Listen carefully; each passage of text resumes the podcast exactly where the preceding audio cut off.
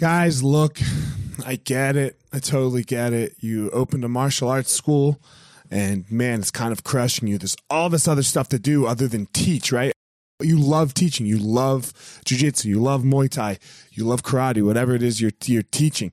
And man, but there's all this other stuff. There's there's the front desk. There's there's taxes. There's curriculum. There's cleaning. There's there's problems, staffing, covering. Whew, man, it's so much. It's so much. Well, let me tell you, uh, we have started what's called Easton Online, and Easton Online is here to solve all of these problems for you. Easton Online is a digital academy for martial arts school owners and managers. Will help you establish or enhance your business with best practices. Most importantly, we're going to help you get back to what it is that you love most teaching and doing martial arts.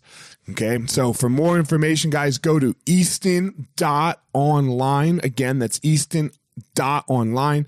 Add your email. You're going to get notified about the course launches. Our first course is going to be all about the first impression specialists, your front desk and all kinds of stuff, special offers, promotions, as well as we started a podcast by the same name, Easton Online, that's gonna talk about our process of how how we went from a tiny little martial arts school to what is now seven martial arts schools, seven Brazilian Jiu Jitsu Muay Thai schools, um, in a very holistic way that we believe um, kept the integrity of the art and also deals with its people very well. So again, easton.online, enter your email and you're going to get all you're going to get everything you need right there. So, thanks guys.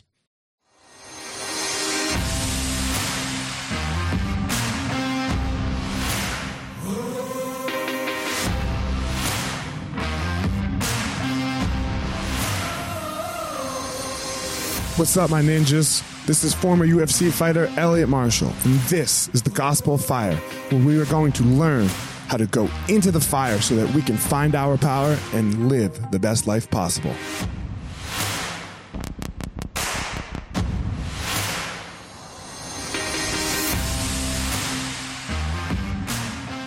All right, guys, how you doing? Back another episode of the Gospel Fire, and I am here, man. I am so excited for this one. This is this is one of the one I have been trying and trying and trying to get a female Brazilian Jiu Jitsu world champion, and I've got one. Felicia, how are you, Felicia O?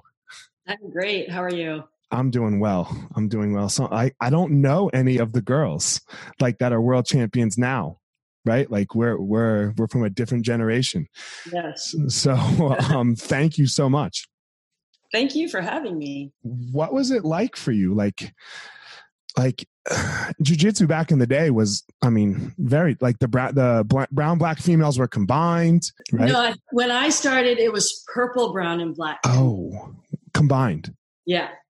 And so my first big tournament was at the time it was called Pan Americans. Now they call them Pans. Right. Uh, in Florida, and I was a blue belt, and I went down there, and there was a white division, a blue division, and then purple, brown, black.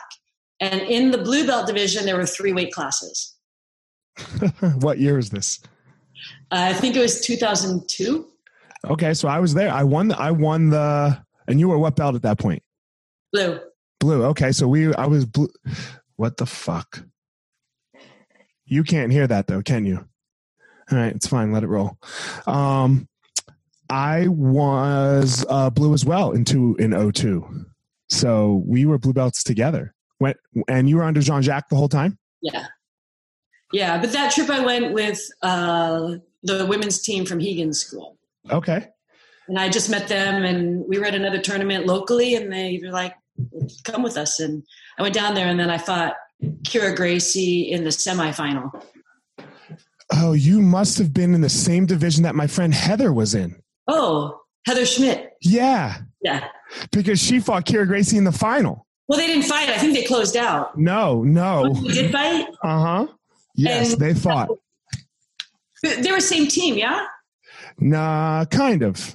Like Heather was uh no, we fought. we we fought then, right? It was Gracie Barra, but was who we were entered under, just like Kyra, but we we all we all scrapped. Oh, so you guys did fight. So Kyra won the gold that year, I think. Right? Kyra won the gold, yes. Yes, Kara won. I had no idea who she was. I had no idea that Pé de Pano was my referee. I, I was like, no clue. and, you know, I was like, oh, you're fighting Kyra Gracie. I'm like, okay. Pé de Pano was your referee? Yeah. And I was like 30, 34. And oh, Kyra so you could you could have easily done masters. Yeah, but there weren't there weren't any at that time. Remember? Okay, at that time, Master Seniors was a joke, right? It was. It was, it was. World, and it was a joke. It only became this really cool thing in the last couple of years. Yeah, because you had all the, the champions retire. Yes. Right? You had all these champions retire and then uh and then it just it's cool now, right? Because like Shunji goes and does all You- you these see, all these Yeah. actual world champions go and do the the the Masters It- Worlds. And people that we saw like at that tournament and all those tournaments as black belts being world champions when we were coming up. And then i think you know people the sport ages it's such a young sport right? And then i think the earlier generations a lot of them had um, like knee injuries and stuff you know and surgery wasn't quite where it is now. So then those guys that we were watching as black belts they're coming back now and it's awesome. So what year did you start, Felicia? I started in november of 2000 November of 2000. Okay, so I started August of 99. So like right around the same year, right around the same time. What was it like for you female small in a Brazilian jiu-jitsu and in a Brazilian jiu-jitsu academy? Because it's not easy, right? Like it's a very hard thing uh to like it's still kind of hard for some of the girls to get good training. What was it like 20 years ago? you know it it didn't quite occur to me that i was the only girl there for a little while. And the thing about jujitsu and part of the reason i started doing jujitsu was aside from having a bad marathon and camping experience and the indoors seemed a lot safer but er, pretty much everything about brazilian jiu-jitsu terrified me.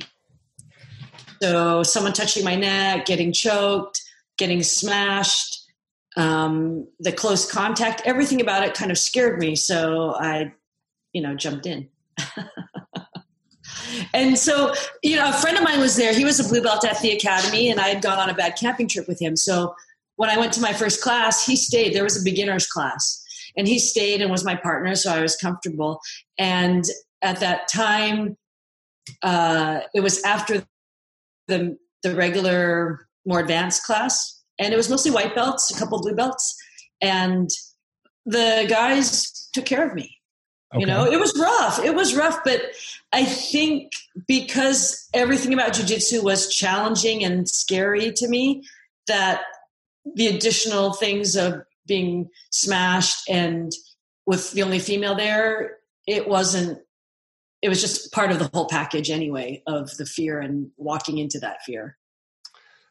And how long well how long was it that you until you were comfortable like on a jiu-jitsu mat like what how long what was that like on your end You know, um, I think everyone, I, you know, I hear it from men and women of all sizes, like have anxiety going in there. Especially, you know, you're a white belt, you don't know anything, and basically you're going to go get beat up by a bunch of people. And then now it's a lot kinder and gentler, and people will help you much more. Before, people just look at you.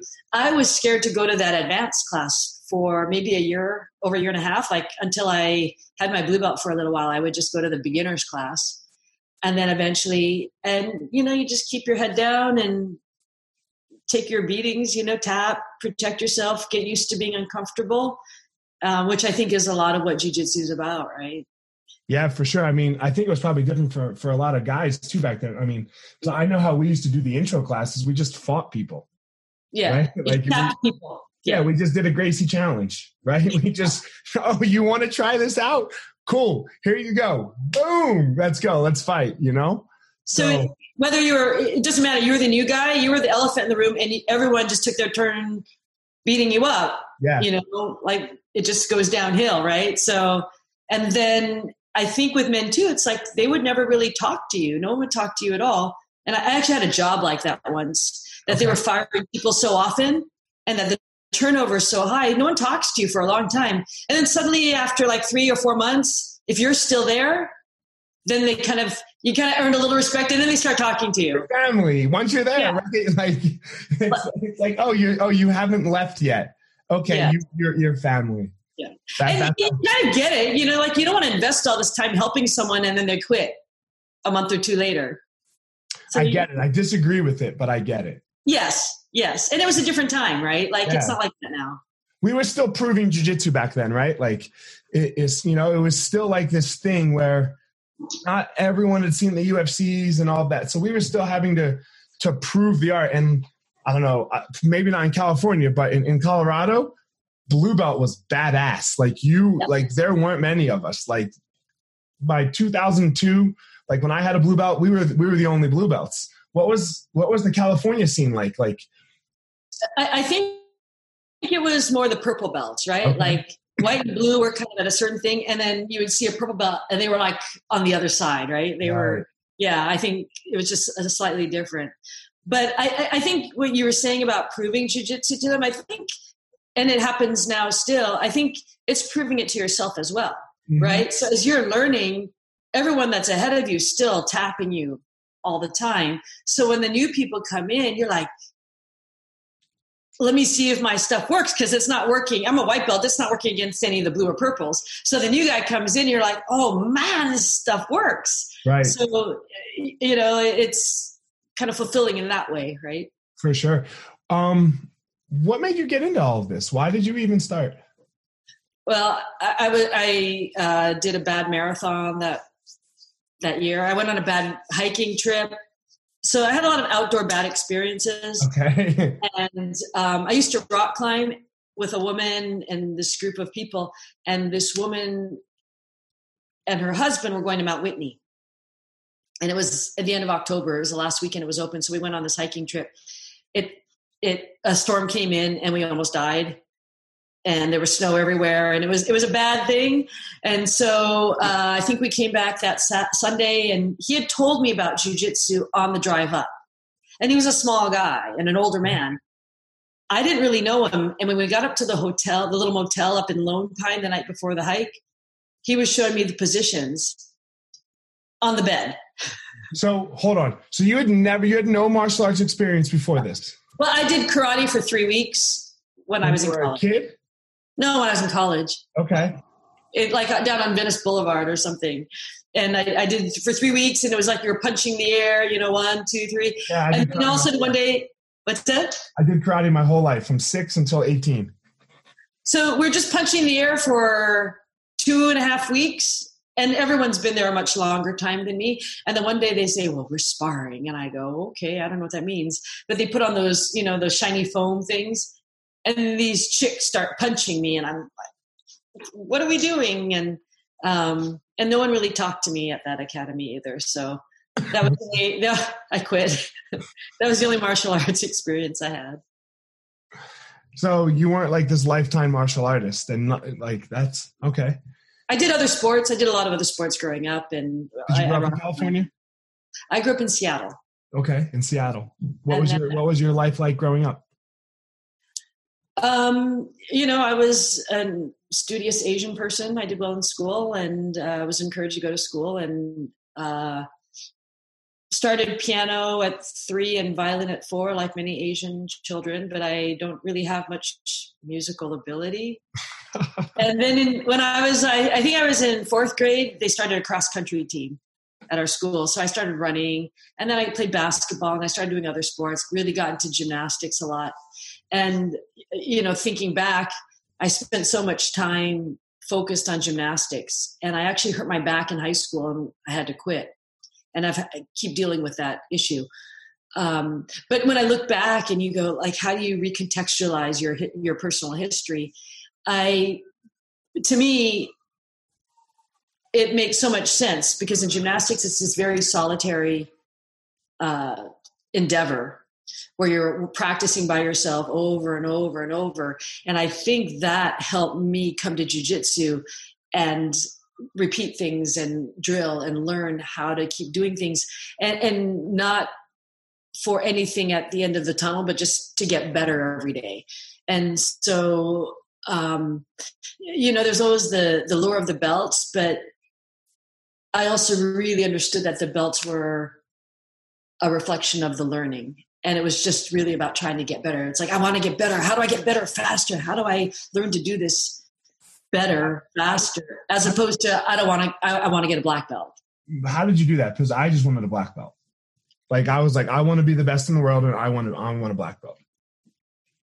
Well, I guess I think it was just because of that experience in gymnastics where you just want to do your trick. It's not like I want to score a 10. It's like I just want to get a little bit better and, have little bits of success in these moves and just trying to survive. Because there's no belts in gymnastics. No. Yeah, you're not. No, but there's definitely a pecking order. There was a high school team, you know. Right. But there's no belt. There's no like, there's, there's no thing that you're pointing at, like no. the black belt. No. And I but it's little things along the way, like you're trying to do a trick or not fall off, like the right. small challenges which are just about getting better. And I think that transferred over really well for me. Okay. Okay. And what brought you to California? When did you come to California? I came to Los Angeles in 1990 90 for graduate school. I went to UCLA. Okay. And uh, I was going to become an artist. I was going to come to graduate school in LA and move to New York and become an artist. And then I got to LA and eventually didn't become an artist. I actually became a graphics designer. Okay. I was at the beginning of all the digital media stuff like Photoshop and After Effects when that was in its infancy. So that was around two, uh, 1994, where it was like QuickTime 2.0, Photoshop, After Effects. They were little babies at that time. And I was one of the first group of people to do broadcast graphics on a desktop computer, which people do it on their phones now. But what's what is that? What is broadcast graphics? It, it, you know, when you see type moving around and layered oh, images, like when you see a TV show, the beginning of the TV show, different commercials, all that stuff. It's it's progressed so far. I mean, this was 1994, um, and you know now you just push a button and you can design it. Where we used to joke that clients would want their stuff done so quickly. We're like, we have to sit here and and work and do it. You know, there's not a button that you can just push, and now there is. Now you have Spark, and you just go design. I do it. I do it and I don't do, I don't even know what it was called, right? I have Premiere Pro and I make movies and yeah. I, did, I didn't know it was called broadcast. I know that. Yeah. So yeah, it, it's much easier now. Man, this is so interesting to me because you had this whole, you were not a martial artist. Nope. And you had like a, an adult life before jujitsu. Yes. I don't know that. Like I don't know adulthood without jujitsu. Yeah. So that it's so you're one of the first people I've talked to on the podcast that that have this experience. And not only that, you reach champion, right? Yeah. Like it's not like you're not a hobbyist. Like, well, you are now because we all are, right? We're just, you know, still doing jiu-jitsu. right? We get on the mat sometime. But yeah. you you did all of those things. Like that is such a unique experience. Like that that's I don't think that's going to exist anymore. Yeah, it's pretty difficult now. I think back then it was interesting. I mean, I was a full grown adult with a real job right, right. and life. And a lot of the other women, there were, you know, that group that was kind of there around the same time, like Dirty right. Dozen women. Right. But then a lot of the girls that were competing were much younger. So I was 34, 35, and I'm competing against girls who are 20, 18, 21 Kyra Gracie. Well, Kyra was 16. Yeah. Did you, did you guess Leka or? What's that? Leka and Letitia and, and all those girls? Yeah. So yeah. They, were, they were all in their 20s, younger. Mm-hmm, mm-hmm. So, um, yeah, it was interesting because over my time in Jiu Jitsu, you do see women coming in and you see them grow up in the sport as opposed to being an adult coming in and not having normal youth growing pains you know like i'm already I'm, I'm an adult. I don't i don't worry about what younger people worry about anymore. Right.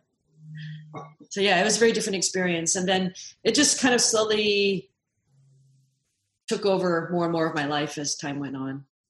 And at that time too right? Like when i first started it was the end of 2000 my teacher jean-jacques machado was competing at abu dhabi. I had no idea what that was and I remember him being gone. And then in 2000, um, was it? Uh, Eddie was uh, fought Royler was at 2003 in Sao Paulo. So I was there for that whole thing. So I got to watch Eddie go through that whole thing, and that was amazing. Because And- everyone's so if everyone understands who's listening, they might have some not have some context. Right. So before before Eddie was tenth planet, Eddie's Eddie's Jean Jacques. Eddie was Jean Jacques, and I, Jacques Machado. I think when I started, he might have been a purple belt, and then um, I think when he went to fight Royler in 2003, I think he was a brown belt, and I think that Oh, he came back, he got his black belt. Jean Jacques gave him his black belt. Yes, on the day he came back to class after that. Back to class, right? Yeah. Yeah. So that was 2003. Eddie Bravo had been doing all the rubber guard stuff that he was developing. No one really knew about it. He goes, he fights in the, it was uh, the trials Yep. for the men. I think that was the first time. And he wins his spot at Abu Dhabi and he goes and he That was the first year they did a trials. yeah. yeah. So then I he goes that and beat. It was in a gym at a high school gym. Do you remember? well, yeah, well, so that and on the East Coast there was a high school gym as well. They did two. They did East and West Coast trials always. yes. You know? um, they've had them in Canada. Uh, yeah, they've been all over. They've been all over this year. I mean, this year, the, did you go this year's trials on the West Coast? I did. I think it was in, it was uh, somewhere in LA ish. Burbank. It was a. I mean, Oh, it was Muscle Farm. yeah, it was Muscle Farm. They did such a terrible job. Like they, they, I don't, they weren't ready for the competitors. It, it took a long. It was like a really long two days or something, right? No, it was one day. It was a really long day because but it went forever. They they started super late too. because the bathrooms broke. The bathroom broke, and they and and they only had one bathroom. Like they had a man's and a woman's with like a two two stalls in each one. For there was two thousand people in this building, and everyone has to go to the bathroom before they compete. Right? I mean, there was hundred person lines. Oh, I'm um, glad I didn't go. Oh, it, it was. Oh, I think I just kept checking on flow, and I was like, "It hasn't happened. It had like what's going on?" No, and then they wouldn't tell us like when our divisions were going. Like it was like, yeah, you'll wait here. I was like, dude, it's nine o'clock at night and I haven't gone yet, and I've been here since nine in the morning. Well, that was actually more like my my Abu Dhabi experience. so, so in 2005, so Eddie did that in 2003. He came back. Then he started 10th Planet at the Bomb Squad. And so I was training with Eddie and Jean Jacques. I started training with both of them. And then in 2005, Abu Dhabi's in LA. And I'm an alternate alternate. And that was the first year women were invited. And they didn't have the trials for the women, they just invited women.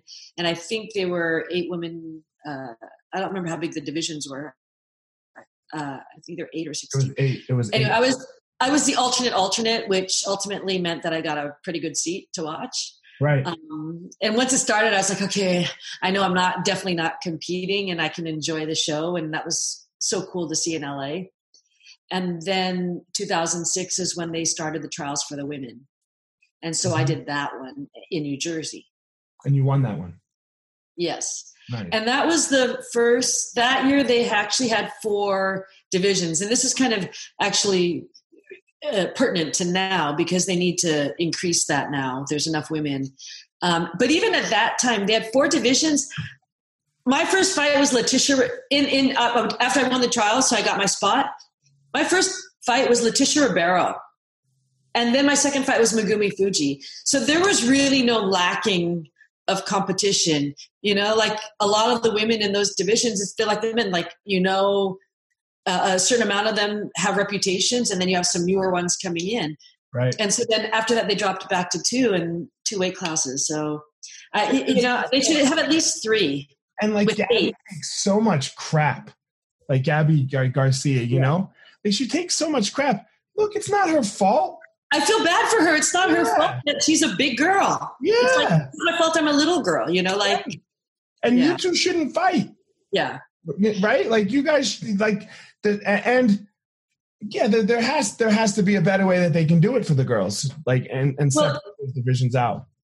Well, I say, I, you know, I, I make the the equivalency. It's like having Abu Dhabi for men being over and under 185. Right. Those are your- That's it. Two divisions. So, you know, for the women, I think it's uh, 60 kilos.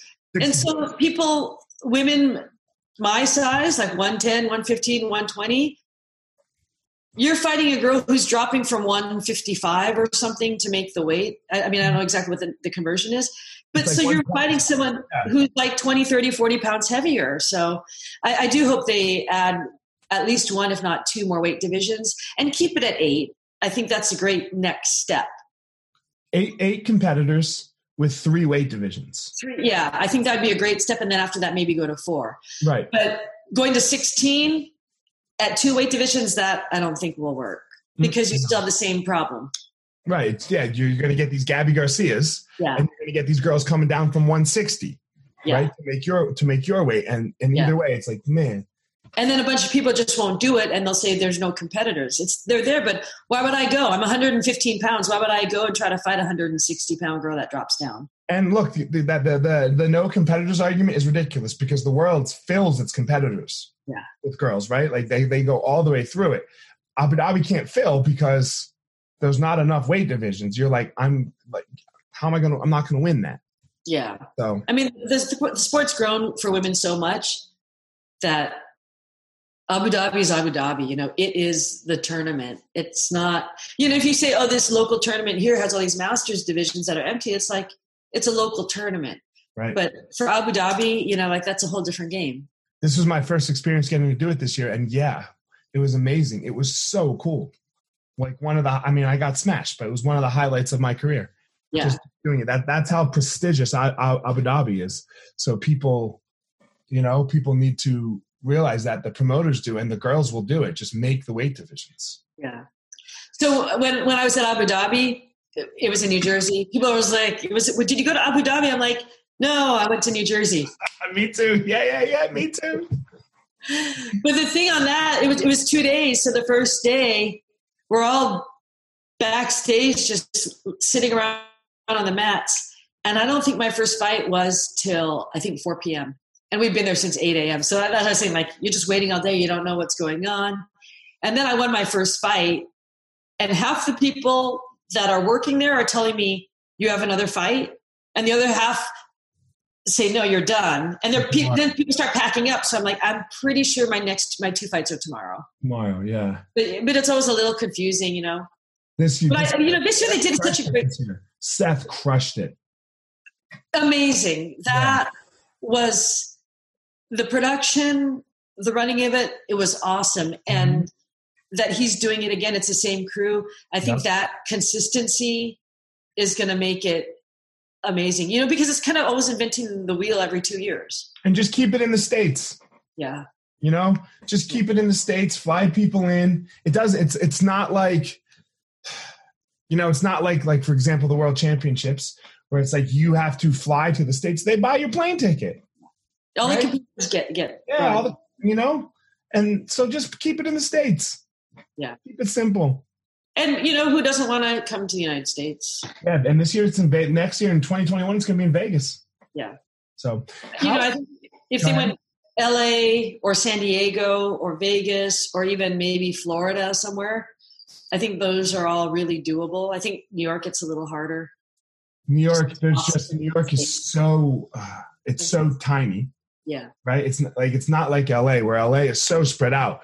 We're like, you know, uh, Newport's LA, and so is Burbank, and they're Yeah. two hours, an hour and a half away, right? And it's still all LA. There's and then there's all that in between.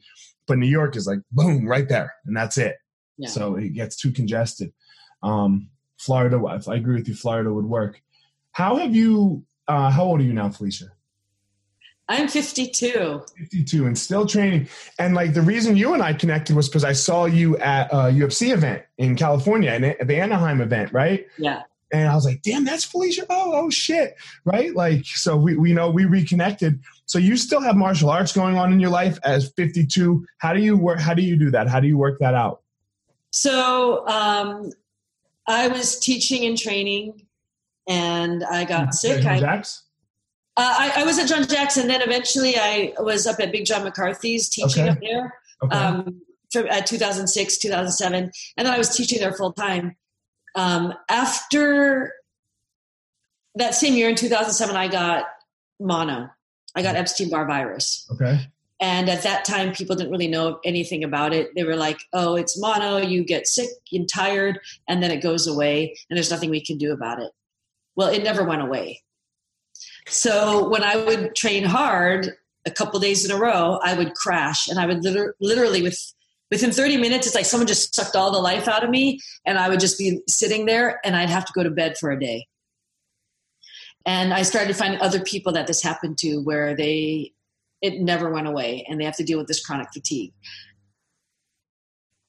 I tried to train it out of me. I thought I'll just keep conditioning and doing these things. My lips would turn blue when I was exerting, you know, like doing a workout. Mm-hmm. Um, I tried changing my diet. I did all these things for a few years. And then it became, I can't roll anymore because of that and i was still teaching so i taught for several years without really training i'd roll once or twice a year and that was kind of all i could do and then i decided i was going to quit everything about jiu-jitsu mixed martial arts i'd quit my job at the gym and i was going to start a whole new life which i didn't know what it was but i was so unhappy teaching jiu-jitsu but not being able to roll because i like teaching a lot but i love training so uh, I went to Hawaii to take a student to go compete at a Naga over there, and a friend of mine uh, said, "Hey, uh, try this red marine algae supplement. That should help."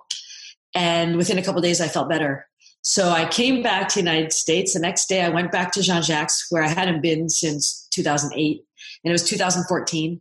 And it was a week and a half before Masters Worlds 2014. And I said, I want to come back and I want to compete in a week and a half, in two weeks. And uh, he's like, okay, get on the mat. So I started training. I signed up. Can I ask you a question? Did you have yeah. a Did you have a falling out with Jean Jacques or?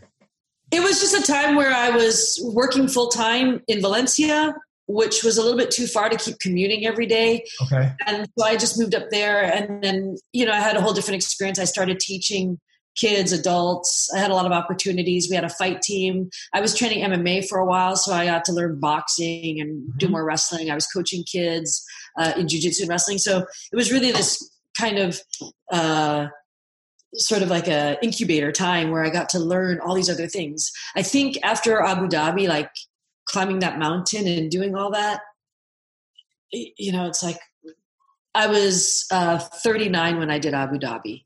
So thinking about that, I was like, do I want to spend two years to try to get one place better? And I'm 39 and now I have chronic fatigue. And so it, became, it was a full time job that I was up there for. And so it just made no sense to do both. And I was learning how to teach. And, you know, I ended up teaching kids, adults, everything. I did a lot of fitness stuff because I was certified in kettlebells. We did CrossFit back at that time. And then we had a fight team. And so I started training with them at some point. So I got to learn all these different things beyond jujitsu, which was exciting and refreshing, right? Like it's not mm-hmm. learning a 1% thing. It's like I'm at the bottom of the mountain again. I'm going to learn how to punch someone or how to throw a punch or how to kick someone or how to wrestle a little bit better.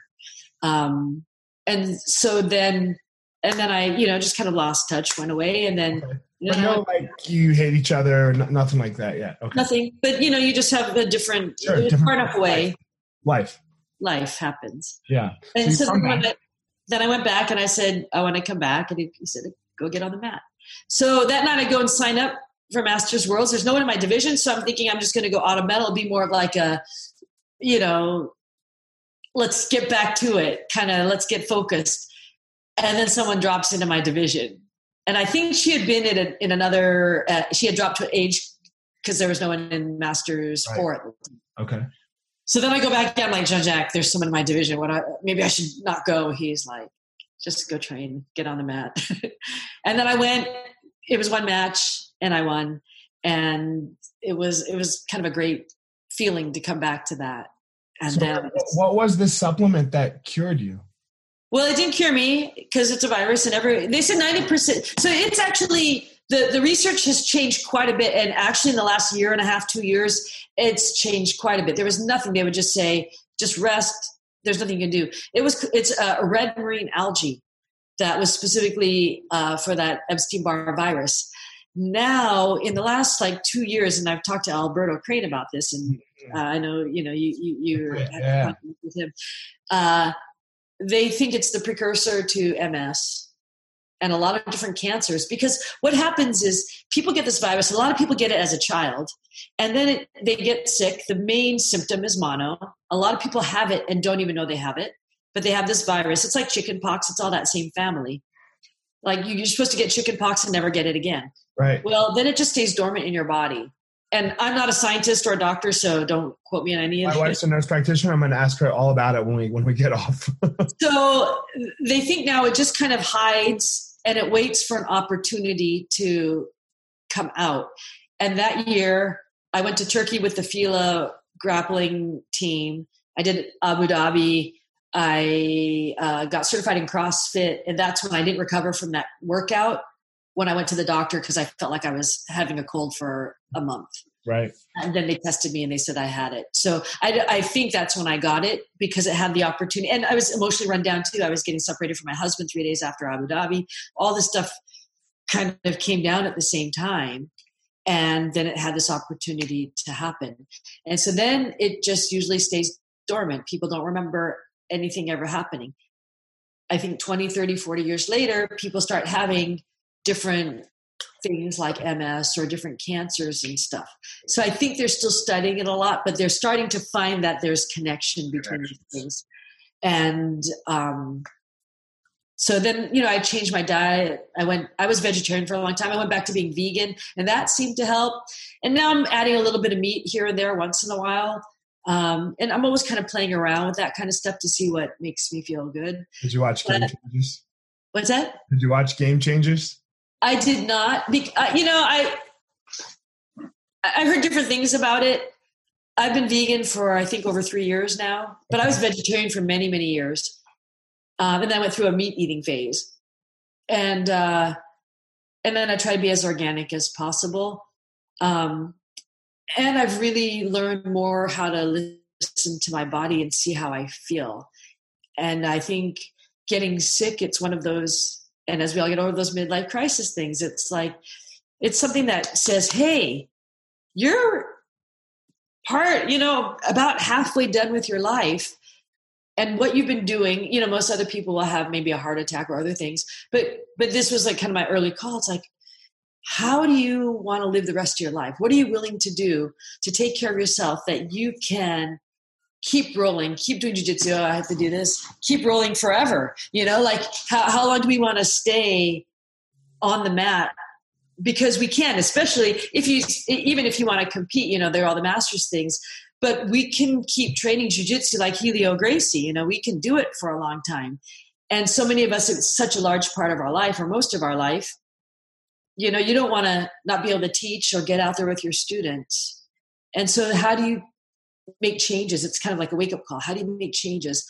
Uh, at the same time, when I got sick a little while after that, I had several people around me get breast cancer, um, different other things going on in their life. So then it was just like, what do I want? How do I want to change my life? I made a lot of personal life changes, the diet changes, all these different things. So now I'm training again, uh, almost as much jujitsu as I used to, but I don't do strength and conditioning things because I think that kind of sends me over a little bit. Okay. But I, I've uh, I do a lot of different herbs as well, and you know when I read something, I'll try it and see if it seems to help. And you know, but again, I've always kind of been curious about those things: diet, exercise, and uh, herbs and stuff. It sounds like you're pretty smart at listening to your body. Well, I, I've gotten much better at it it made me. So then i you know i would feel when i was starting to fatigue and when it was coming on i'd be like okay i gotta back up right. before i crash. I'm terrible at it. Like i'm like oh of course this is going to give me heartburn and fuck my stomach up but i'm eating it because i love it. So yeah. well and also you know uh, when i started jiu-jitsu i also did like i said i did gymnastics and we were training like athletes as young kids back then. Crazy. And i think that's one of the things that helped me at 39 make it to Abu Dhabi is because at that time a lot of people weren't training as athletes. So I I think I was a little ahead of the curve. Like now everybody is kind of taking it more seriously, you know. Sure. Um, and I think, like I said, like I think that helped me counter the age part of that and experience. Um, but I think just paying attention to yourself is going to give you that longevity. You know, like to see where you are, documenting things to see, like, oh, do I feel good? Is it in my head or is it really the fatigue? I like what you said, documenting because sometimes, like when you look back a week in your mind, you're like, "Oh, it's fine," or "Oh, it was terrible." But yeah. when you write it down in the moment, sometimes it that's that can be like a little bit more truthful. Well, getting ready for Abu Dhabi, I did that. I had a calendar and I I documented everything: what I ate, who I rolled with, how many rounds I did, what condition I did. I had everything because what happens, you know, like I was doing two a days most days of the week, and when you're getting ready for competition, there's such a mental and emotional aspect of it, right? not just the physical. And those things affect your physical. So there would be days definitely where I'm like, God, I'm so tired.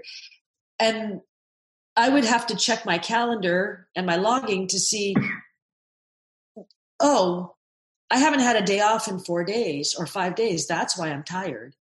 Right. Or it'd be like, no, I've only trained, you know, because the days blur together after a while when right. you're getting ready, right. right? So then you go, no, I had a day off two days ago. I've only trained one day. It's in my mind. So now get your ass in gear and get working. Right. But I, I think the other thing that's had to change a lot is I tend to push myself quite hard in workouts.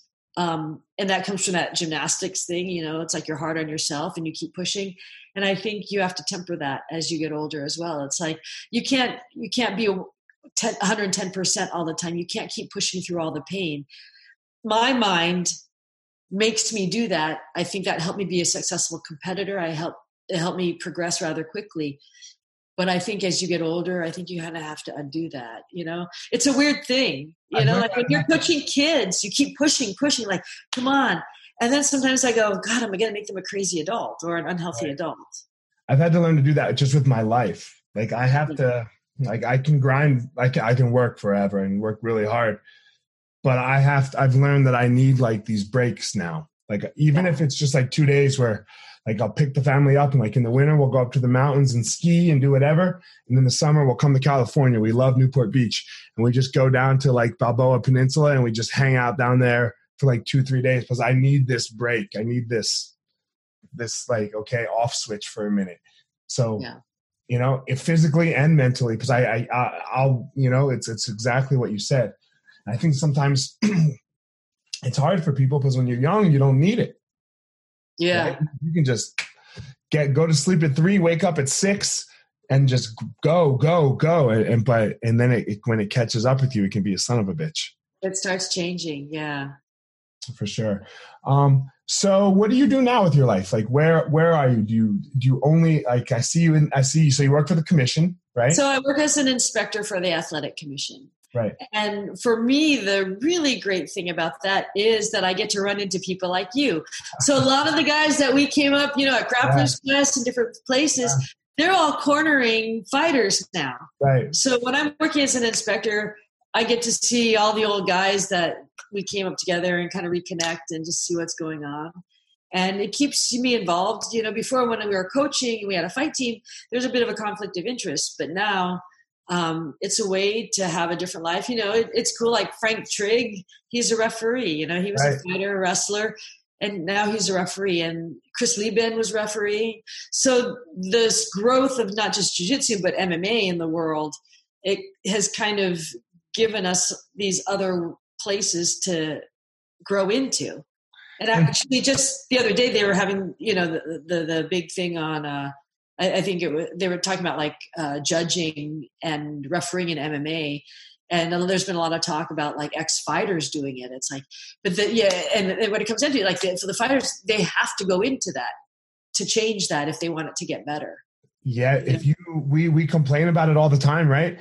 But there's it's our own fault because we're retired now, right? Yeah. And we're the ones who can if, if you want it to be better, if you don't want a kickboxing judge to be an MMA judge, yeah, great. So go be a judge yeah get involved you know yeah. like uh, I don't know that I necessarily want to judge and referee because I did have yeah. to do that once a long time ago, and it was not the greatest experience. But um, and then as an inspector, I get to hang out and see the fighters in the corners, and it's it's a lot of fun. But you're but it's involved, right? It's involved. Yes. Yeah, so, and then I teach. Uh, I do seminars and stuff. Uh, I don't teach a regular class. I do privates. Okay. And then I actually came back to making art. So I, after I graduated from uh, UCLA, I stopped making art, and then I came back to it a couple years ago, and that was part of the whole. What do I want to do with my life? Like, do I want to be a slave doing certain things that are making me really unhealthy and unhappy, and or just, I'm taking a chance? So I got a studio, and I went back and I started making art. I made it for making paintings and jewelry and all this stuff. And actually, right now, it's turned into more of an interior design. I'm making these resin steps for uh, the place I'm moving back into, oh, and so hopefully, like it'll become more of an interior, you know, artisan thing for people's houses. I hope. I was I was just listening to something from Gary Vee today, and this guy is asking this question about like starting. Do you like Gary Vee or not like Gary Vee? Uh, he, he's way, good. Okay. He cares so, a lot he uh this guy was asking him a question and he was and he was like oh you know talking about this this project that he wanted like you know this this thing that really drove him you know like like your art for example. And gary vee's like man it sounds like your problem bro is that you you don't you you don't want to give up this other business that you have that you don't really like because it makes five million dollars you know and you drive a bmw and and all this stuff but it doesn't make you happy. Like it doesn't fulfill you at all yeah. you, you have to make this life choice of like what do you want? Do you like because you're, you're you're you're asking me a question crying you know like in front of all these people. It doesn't seem like this five million dollar business is like fitting you. Yeah. So it's kind of like what you were talking about there right? Like you made this choice i mean it, i love. It's a risk right? But then it's also life's a zero sum game right? Like you're dying you're dying. That's the only guarantee. Yeah. I mean, I don't think you should be foolhardy and crazy, right? Like, especially if you have a family, you have certain responsibilities, but I think there are ways you can integrate and make changes in your life, little changes that start, even though may, you may have to keep a certain job. But, you know, I, I was talking to a, a cousin of mine a while back, and he wasn't happy in the situation he was in but then ultimately you have two weeks of vacation. Use that to do something. Don't just sit at home for that two week of vacation. You know take advantage how do you, how do you get good at jiu-jitsu? I know how i got good at jiu-jitsu. You know I, I know how i had to do it. Like i had to teach jiu-jitsu during the day you know all day. And then to support myself i had to go work at this bar you know teach and train and then work at this bar. And i'd get off at three and then i'd get up at seven again sleep is the cousin of death. So sleep, sleep when you're dead, like because I wanted this thing, right? and yeah. I'm sure it's very similar for you, right? Like there's no like there's no magic pill. Yeah. You just can't sleep as much, and I sleep terribly still to this day because of all of that. I, I have a hard time sleeping still, but I, you know, I think it wasn't just jujitsu; it's just kind of how I approach life. So whether it was gymnastics as a kid right. or making art. Like I was weekends, all day, all night. I was in the studio working while I was an undergraduate student, you know. And so when I got into the graphics, I would work a, a day job and two freelance jobs at the same time, sleeping in front of my computer. Not for any reason except that I loved doing it. And as I got into jujitsu, I started to love jujitsu more than I started loving graphics. Right. And then I started teaching. I helped start the uh, digital media department at Otis College. And so teaching college didn't pay as much as the graphics, but it gave me a set schedule that I could train around. And it was near where R1, where Trigg and Rico Chiapparelli, mm-hmm. their school was. So then I would go over there and train. And you just do it. You make the drive, you go where you have to go to get the different training because you want something. And like I said, it became more and more jujitsu, less and less of that. So eventually uh, the De- December 2006, um, I'd won the trials already, and it was before Abu Dhabi. And after Christmas break or winter break, that 2006, I had to tell the head of the department that I wasn't going to come back because I wanted to focus and get ready for Abu Dhabi. You yeah, but but you set yourself up and you made these yeah. choices, right? Like it's not it's not this easy road. Like you're not like you don't get to drive your BMW too. Maybe no. Maybe later on down the road you do. Make you know. Yeah. I, I don't know if, if, if that's what you really like a BMW. Like I'm just using the yeah. Gary Vee thing, you know. Yeah. But what do you want? You know, and you have to make like you have to make the choices. Like the Netflix and chill thing is got to go. well, I love what you just said. You have to make these choices. I know a lot of people use the word sacrifice, and I hate that because I'm choosing to do what I want to do. And when people talk about like, oh, I'm sacrificing so much for jujitsu, jujitsu is not breathing; it's not air. Go You're making a choice to spend your time on the mat and to follow that and to give up. I'm choosing jujitsu over something else. I'm choosing jujitsu over going out and getting drunk at the bar on the weekend. I'm choosing jujitsu over this that and the other thing because that's what i want to do and i've always felt it was something that i chose to do as opposed to giving up something else okay. and i think that just mentally I think it's a better way to go. You know, it's like you're not a victim. No, no. I'm going to get rid of the word sacrifice too. Yeah. I got rid of the word deserve last in 2019. Like I oh, hate the word deserve. Yeah. Nobody deserves anything. No. Right? I mean, because if, if I deserve a vacation, then a child deserves cancer. You know, and because yeah. we both have it, you know, like if I get a vacation, the child like so yeah. not not not so now I'm getting rid of sacrifice too because I'm not because I'm not sacrificing. Mm. Right? If I want to if I want to lose weight, I'm not sacrificing ice cream. No, you're choosing other choice. Yeah. Yeah, that man, that that you. Thanks, I appreciate. You know, but and, and I think deserve too. By that token, you know, we get to choose things. We don't get to control everything in our life, but we do make choices. And I think, in the same sense that you say deserve, that's like I did this, so I should get this. Right. That's not how it works. You choose this because you want this. And what I found out wasn't that I didn't get what I wanted, but I got more amazing things than I ever thought I would get. It may not be what I thought I wanted, but even all the bad shit that happens, they lead you to something else, you know? And sometimes it takes a long time to find that. Sometimes it takes years to bring yourself back around to see, like, that's that makes sense. If this bad thing hadn't happened, I wouldn't have gone to this, to this, to this, and ended up at this thing making art again, you know? Like, right. so, Uh, you know, I think a, a, really cynical person can say, well, you're just recontextualizing or re, repackaging your history or whatever. And I think there's something to that, but why do you want to have this horrible attitude and be a victim?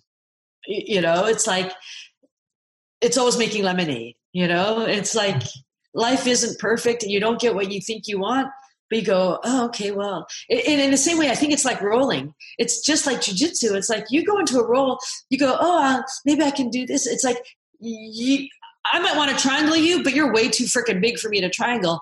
But now it's like, what else can I find here? Oh, my work, my, that move didn't work.